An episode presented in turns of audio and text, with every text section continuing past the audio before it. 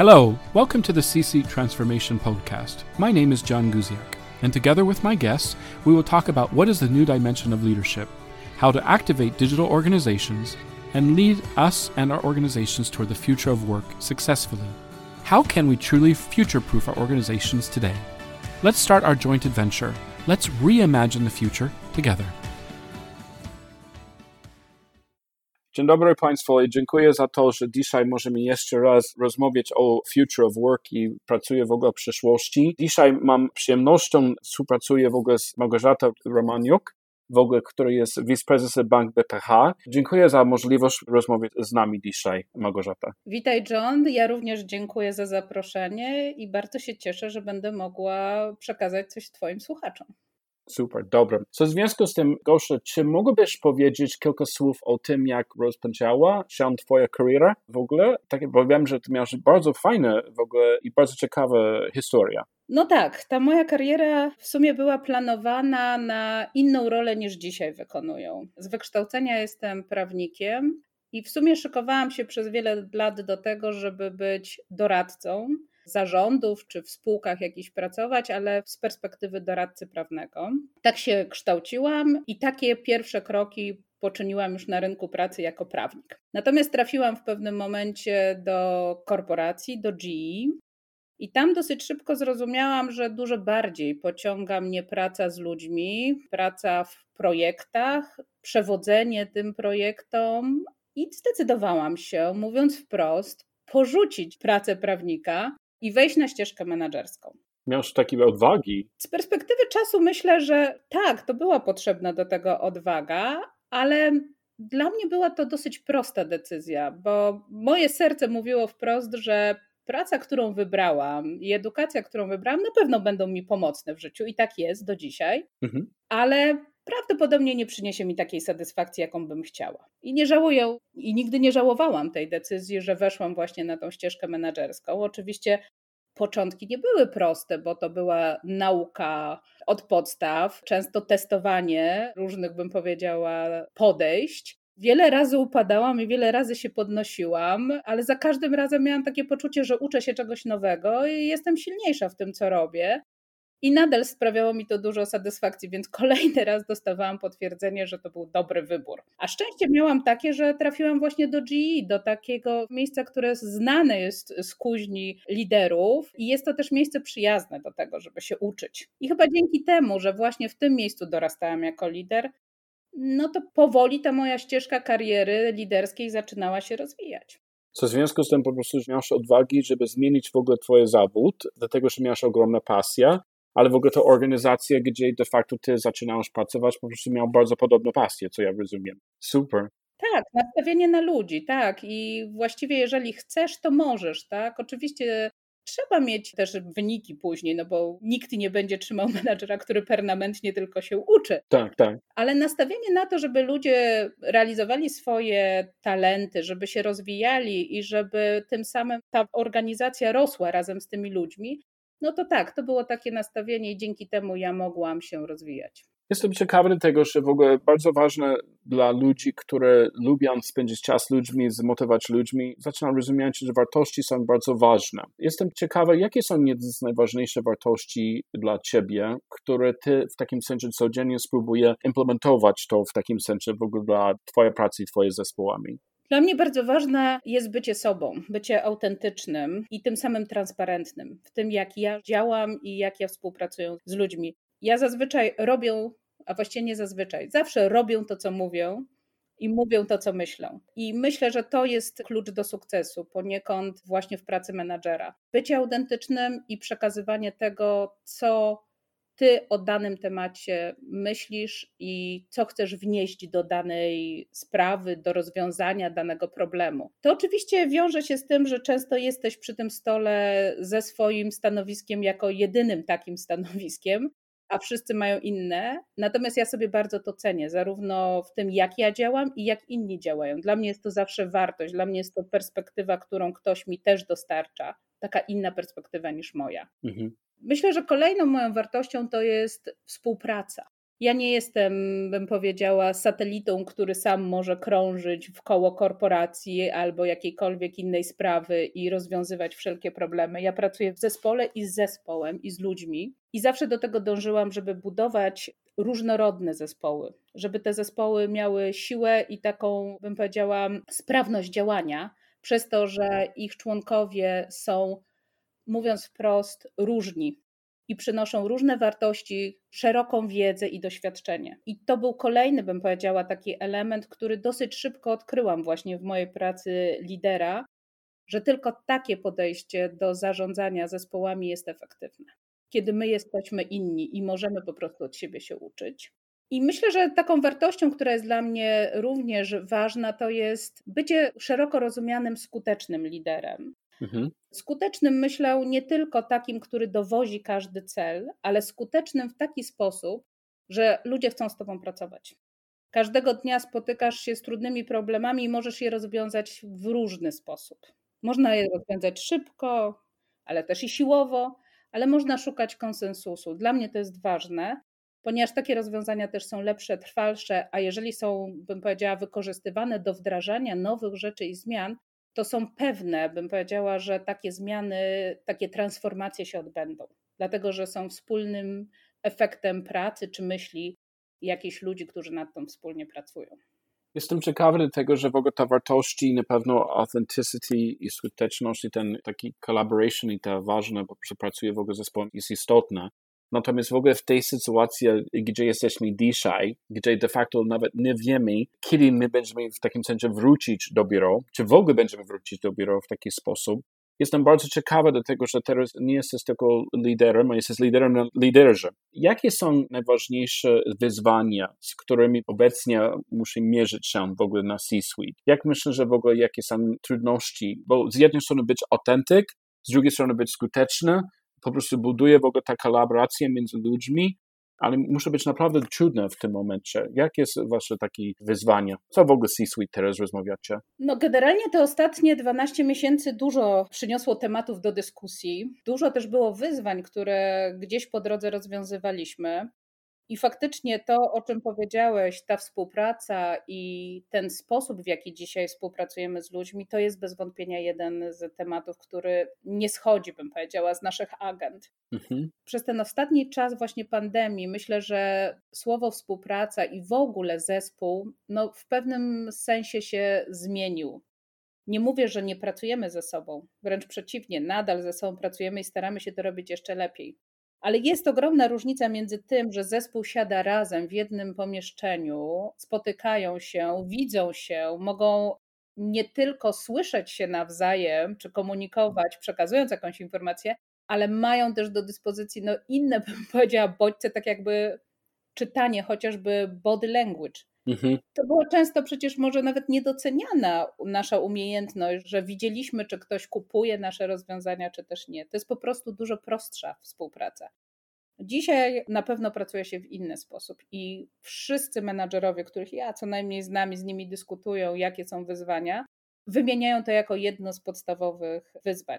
Żeby ta współpraca była efektywna, żebyśmy rozumieli lepiej nasze zespoły, żebyśmy rozumieli kontekst, w jakim te zespoły w danym momencie się znajdują, jakie są bariery do dobrej współpracy i co my jako liderzy możemy zrobić, w jaki sposób możemy firmę prowadzić, aby to było bardziej efektywne, ale nie tylko efektywne od takiej strony, że możemy więcej spotkań umieścić w danej jednostce czasu, żeby te spotkania przynosiły prawdziwą wartość, żeby ludzie nie czuli się przemęczeni po ciągu takich spotkań w online, na przykład pięć pod rząd.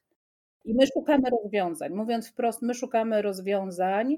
Testujemy aktualnie chociażby takie podejście do spotkań, nazywamy je 50 na 10, czyli zachęcamy wszystkich, aby spotkania nie trwały dłużej niż 50 minut i aby między tymi spotkaniami było chociażby 10 minut przerwy i niech ludzie je wykorzystają na to, na co potrzebują. Każdy ma jakieś potrzeby odpoczynku, ktoś potrzebuje wyjść też z psem na spacer krótki i to wystarczy czasami, żeby kolejne spotkanie było tak samo efektywne.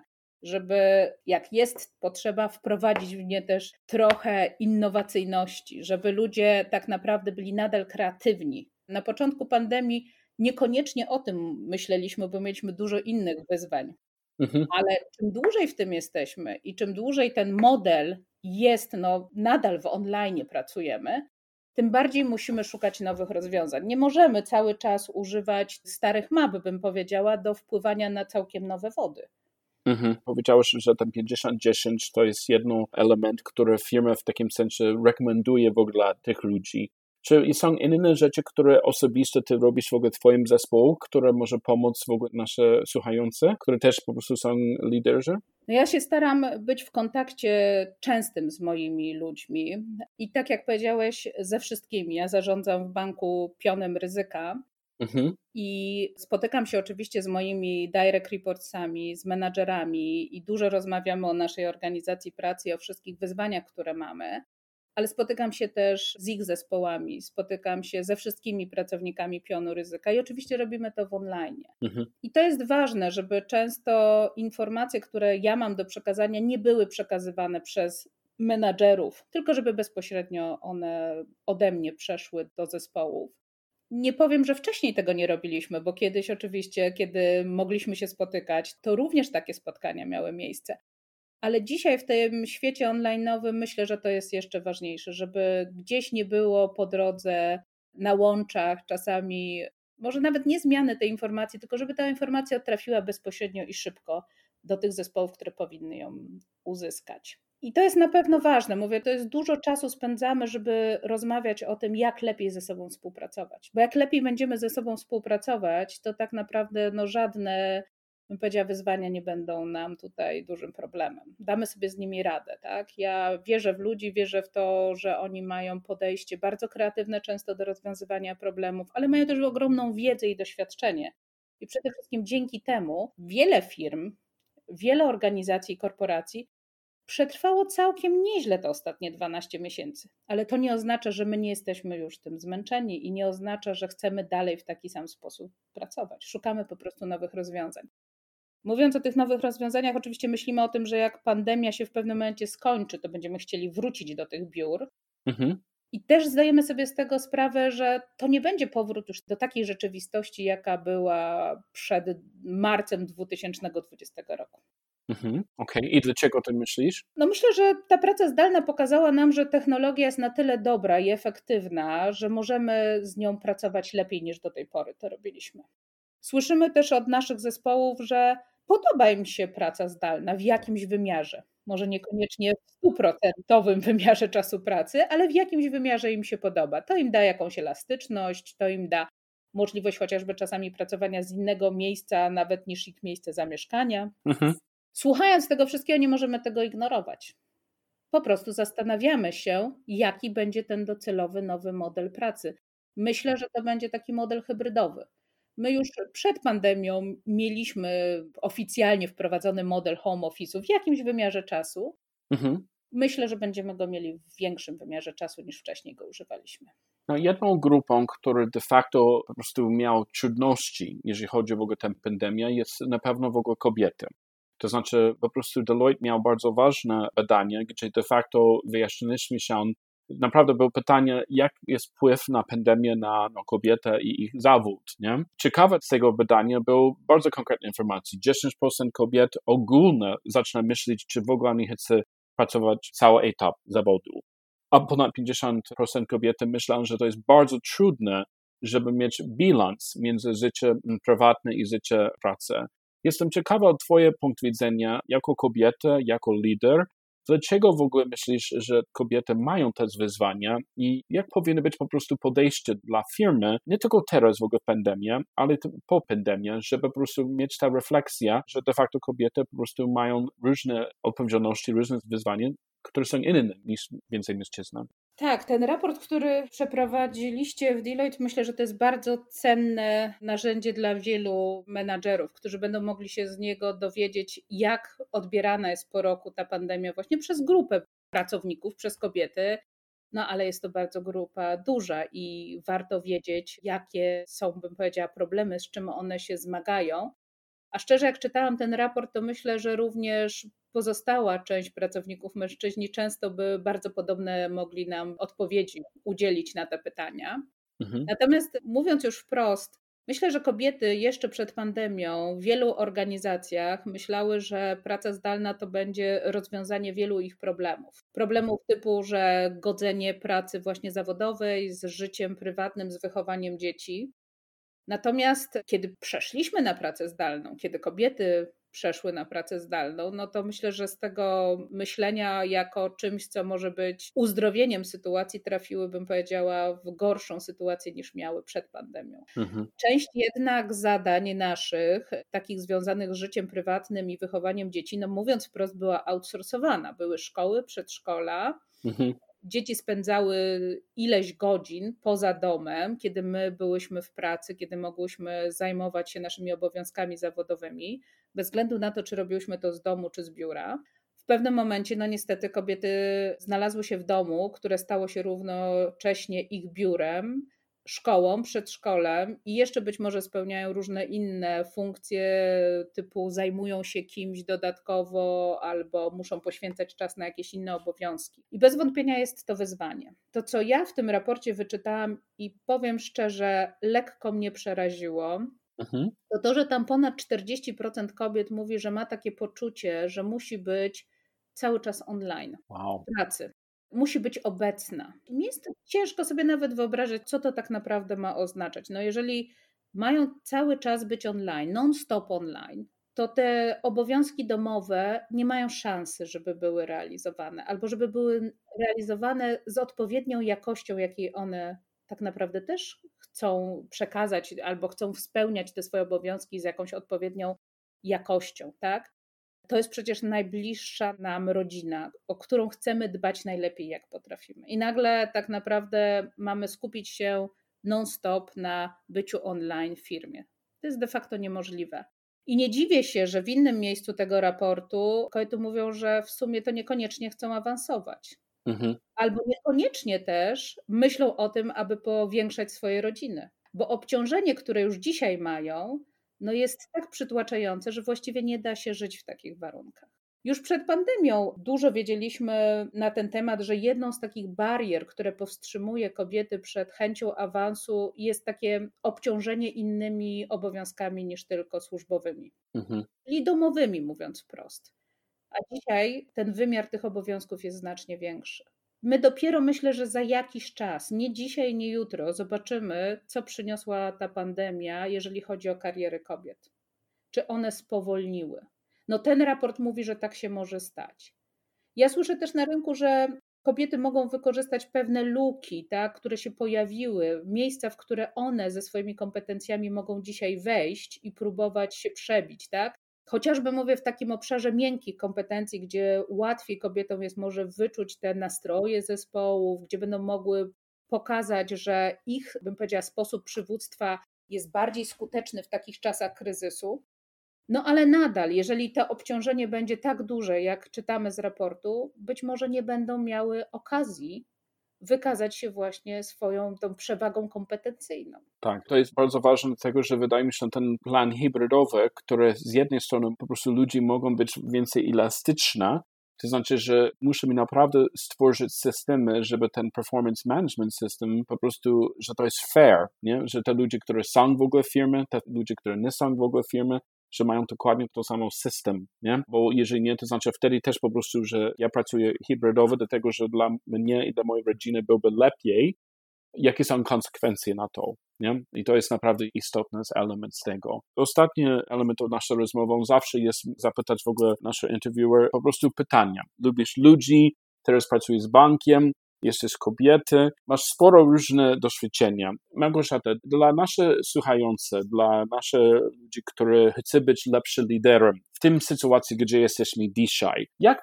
najważniejsze pytanie, które oni powinny myśleć, może o codziennie, może na każdy miesiąc, które po prostu może być inspirujące dla nich, ale też po prostu pomocne? Mhm. To może ja tym razem tak zadam pytanie z mojego fotela szefa ryzyka banku. okay. I zapytałabym innych liderów, czy jesteście już gotowi na kolejne takie zdarzenia jak COVID-19? Bo to, że one przyjdą, to jest pewne. To, że COVID-19 był takim czarnym łabędziem, to myślę, że dzisiaj z perspektywy czasu już wszyscy menadżerowie mówią: no tak, tak to było. Chociaż jak ja patrzę z perspektywy właśnie osób, które zarządzają ryzykiem, to z jednym z top ryzyk, które było już wymieniane na świecie w 2019 roku, to były pandemie. To były pandemie, to były oczywiście kryzysy klimatyczne. Gdzieś tam przejawiały się również bańki, które mogą pęknąć, takie finansowe, typowe czy gospodarcze.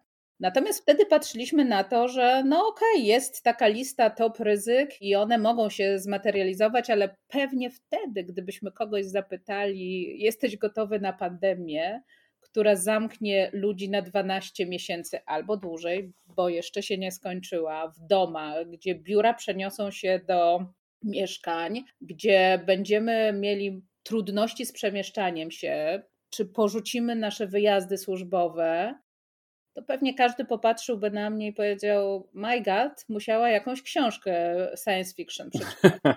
tak jest. Ale po tych 12 miesiącach już tak nie myślimy. Pytałeś mnie, co my robimy z zarządem razem siedząc i nad czym się jeszcze zastanawiamy. Zastanawiamy się nad tym wszystkim, co się może stać, mhm. a jest to prawie niewyobrażalne, że mogłoby się stać. Mhm. Ponieważ takie rzeczy nas w przyszłości również będą spotykać. Więc moje pytanie jest takie: czy jesteś gotowy na kolejnego czarnego łabędzia? Wow. I tak jak powiedziałeś, nie tylko mieć jedno plan, ale mieć różne scenarios. Absolutnie, nie? tak. To jest ważne. Mieć dobrą strategię.